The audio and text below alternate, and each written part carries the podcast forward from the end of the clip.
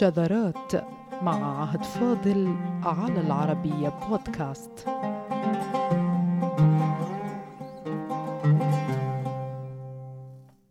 ترد كلمة الفصاحة على الدوام إشارة من قائلها إلى العربية الصحيحة أو العربية النحوية على وجه الخصوص لكن التدقيق في أصل الفصاحة كمصطلح دونه جمهور رؤساء العربية على اختلاف أزمانهم بصفته حاملا لجماليات اللفظ العربي وموسيقاه ووضوحه عند سامعه من دون أن يكون لذلك أي ارتباط بالنحو.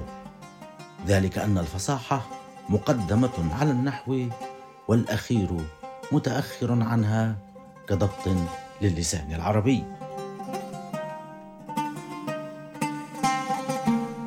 فهل يمكن أن يكون الكلام فصيحا دون ارتباط جوهري بالنحو؟ وفي المقابل هل يمكن أن يكون الكلام نحويا لكنه غير فصيح؟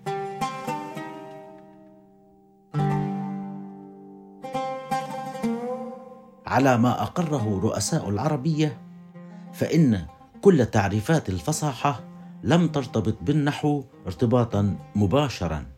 وعلى ما افردوا له ابوابا مستقلة في مصنفاتهم فإن الفصاحة كلها تعنى باللفظ العربي المفرد ثم تعنى بعموم الكلام في الجمل بأن يكون خاليا من التعقيد وضعف التأليف وتنافر الكلمات لتكون الفصاحة في عموم الكلام بالوضوح وقوة النسج وانسجام الكلمات فيما بينها وهي تؤلف الجملة.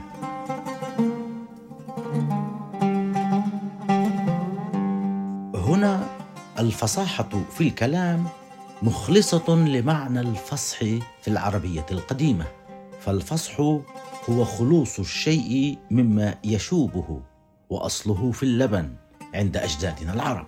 فقالوا فصح اللبن وأفصح فهو فصيح إذا تعرى من الرغوة فيكون صافيا نقيا واضحا فصيحا فصارت الفصاحة في اللبن فصاحة في الكلام بمعنى نقائه ووضوحه وتخلصه مما يشوبه فيقال أفصح أي تكلم بالعربية. وفي المقابل من الفصاحة في الكلام هناك الفصاحة في الكلمة العربية الواحدة.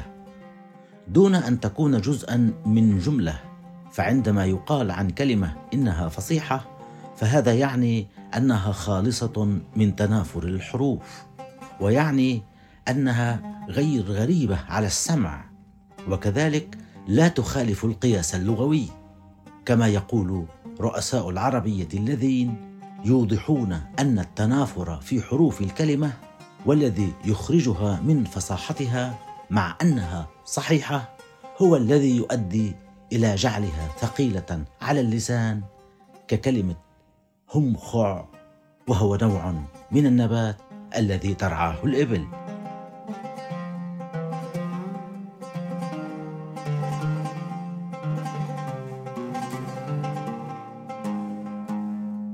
اذا الفصاحة بسهولة لفظ الكلمة وبأن لا تكون حروفها متنافرة وأن لا تكون وحشية غريبة تدفع سامعها إلى البحث في المعاجم عن معناها. ومن هنا فالفصاحة مرتبطة حصرا باللفظ المجرد على عكس البلاغة التي تعنى بعلاقة الألفاظ بمعانيها. ولهذا السبب من غير الجائز. في العربية القول عن كلمة مفردة إنها بليغة. فالأخيرة جملة وعلاقة للبناء اللفظي بمحتواه. وبناء على ذلك فكل كلام بليغ فصيح بالضرورة. لكن ليس كل فصيح بليغا على تأكيد بعض من رؤساء العربية.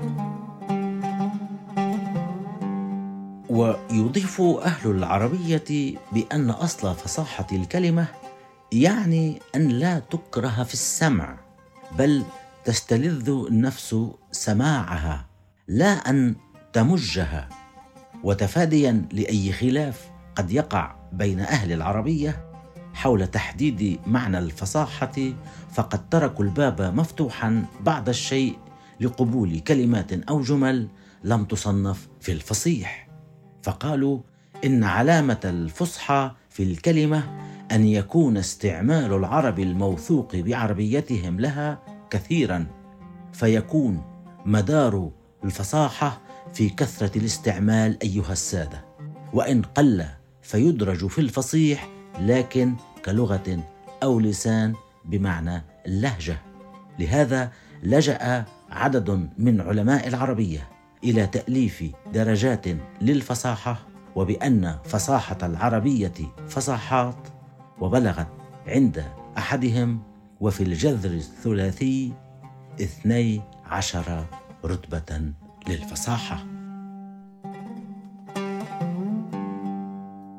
وفيما من ملامح الفصيح ما كثر استعماله في ألسنة العرب فإن تحديد الآلة التي تخرج الكلام العربي الفصيح ملفوظا منطوقا هو في المسافات الفاصلة بين حروف الكلم العربي في الفم كما فصله ابن دريد في جمهرته فيقول اعلم أن الحروف إذا تقاربت مخارجها كانت أثقل على اللسان منها إذا تباعدت ثم يفصل ألا ترى أنك لو ألفت بين الهمزة والهاء والحاء لوجدت الهمزة تتحول هاء في بعض اللغات لقربها منها ولوجدت الحاء تتحول هاء في بعض الألسنة ويضيف فإذا تباعدت مخارج الحروف حسن التأليف وهو الأمر الذي حدا بصاحب تاج العروس لينقل تعريفا للفصيح. يقول إنه ما يدرك حسنه بالسمع. ولا أدل على كلام ابن دريد من كلام صاحب كتاب العين. إذ قال لولا بحة في الحاء لأشبهت العين فلذلك لم يأتلفا في كلمة واحدة. ولهذا السبب أنكر الفراهيدي حقيقة كلمة همخع في العربية وقال إن أصلها الخعخع. ويجمع أوائل وأواخر رؤساء العربية على أن الآلة التي تنتج الفصاحة هي في أمكنة الأحرف وتباعد مخارجها وهو الأكثر في كلام العرب. وهو الأحسن كما يقول ابن جني. وعليه حتى لو كانت الكلمة صحيحة وكانت مخارج حروفها متقاربة تثقل نطقها وتصعبه فهذا لا يجعلها فصيحة وإن كانت فصيحة فبرتبة أقل. فهل هنالك أيها السادة أكثر من فصاحة في اللغة العربية.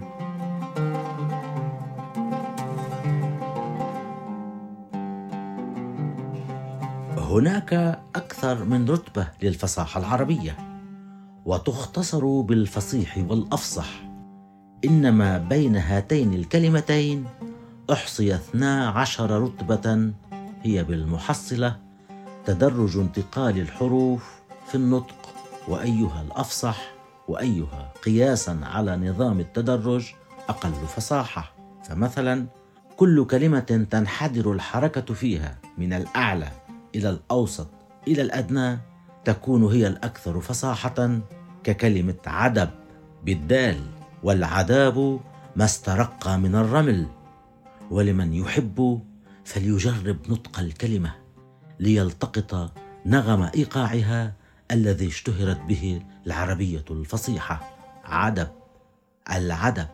وعلى ما مثل رؤساء العربية فإن الرتبة الثانية للفصاحة هي بالانحدار من الأعلى إلى الأدنى ثم الأوسط ككلمة عرض والعرض الصلب الشديد.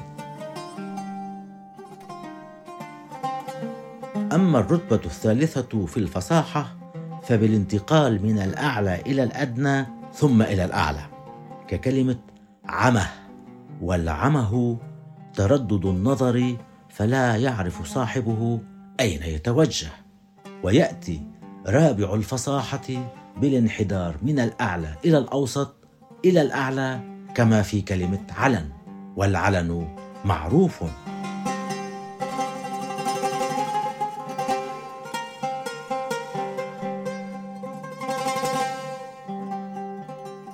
أما الرتب التالية للفصاحة العربية فتبدأ من الأدنى عوضا من الأعلى وعددها أربع وهي في كلمات بدع بعد فعم فدم والرتب المتبقية أربع كذلك ويبدأ انحدار الحركة فيها من الأوسط وهي في كلمات دعم دمع نعل ونمل.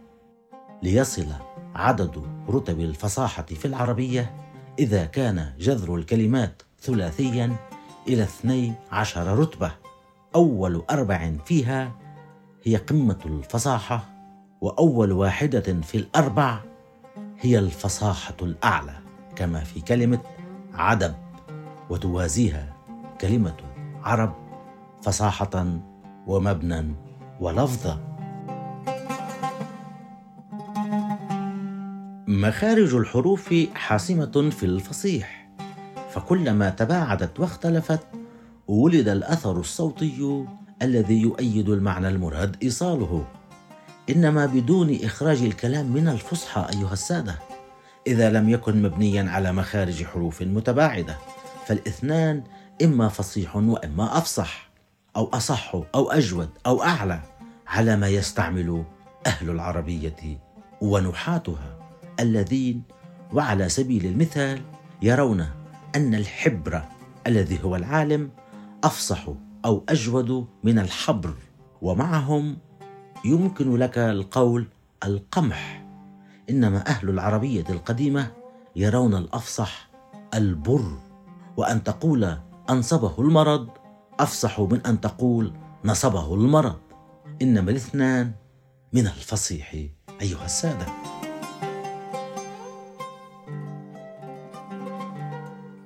وعلى النقيض من كل الغبار الذي يثيره متباكون على حال اللغة العربية الآن.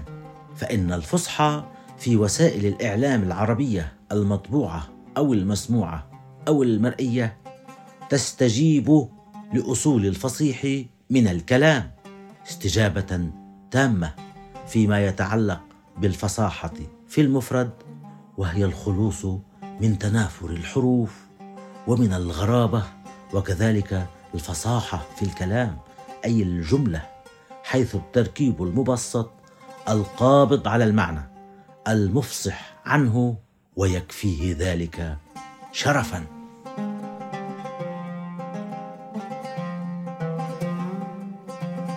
الوضوح والإبانة عماد الفصاحة العربية وأخطأ من دمج بينها والنحو. فأصبح دمج الفصاحة بالنحو سبيلا إلى تعقيد معناها فيما هي في الأصل في الصوت وأثره وأفضل أثر لصوت الكلام بتباعد مخارج أحرفه. لكن الملاحظة في التعريفات الكثيرة للفصاحة هو قربها من الإيجاز ان في عدد أحرف الكلمة بالنسبة لفصاحة المفرد أو قلة عدد الكلمات بالنسبة لفصاحة الكلام. وعلى ذلك فالفصاحة أسست للبلاغة من هذه الناحية ولن تكون مجرد إيقاع في اللفظ خرج من تباعد مخارج الأحرف.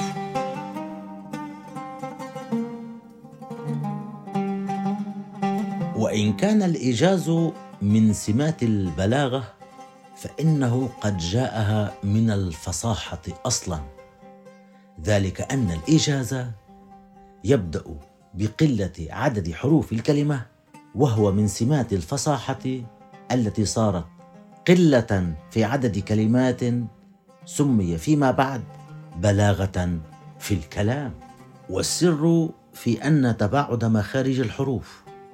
ينتج كلمة توصف بالفصيحة هو أن تباعد المخارج يمكن من نطق الحرف جليا نقيا مفهوما. فتؤدي تلك العملية إلى توصيل دقيق للمعنى عند السامع الذي ميز الكلمة حرفا حرفا. ومن هنا ارتبطت الفصاحة بالوضوح والفهم والبعد عن التعقيد. ولأجل هذا شبهها العرب باللبن النقي المزال عنه رغوته فيقال الفصح وأصله في اللبن وفصح اللبن وأفصح فهو فصيح ويقال سقاهم لبنا فصيحا. ويوضح الأعرابي الفصيح أبو مسحل بأن الشاة تفصح إذا خرجت من اللبأ إلى اللبن وفي هذا معنى دقيق وهو غاية في بابه الذي فتحه أشهر أعراب اللغة العربية وأفصحهم.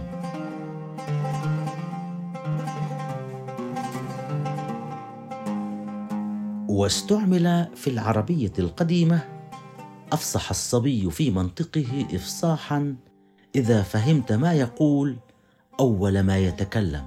لاحظوا أول ما يتكلم حتى إن الفصيحة وردت صفة للبشر لما خلقوا به من قدرة على التكلم والإبانة تمييزا عن سائر المخلوقات. ومن جماليات اللسان العربي الفصيح أيها السادة أن الفاء والصاد لا تأتيان أول الثلاثي إلا بمعنى خروج شيء من شيء. كقشر الرطب فصع وقطع العرق فصد والتقسيم إلى اثنين فصم وتخليص اللحم من العظم فصي وإبعاد شيء من شيء فصل فيما ذهبت رغوة اللبن ففصح وصار فصيحا وفيه قال نضلة السلمي رأوه فازدروه وهو خرق. وينفع أهله الرجل القبيح. فلم يخشوا مصالته عليهم وتحت الرغوة لبن الفصيح.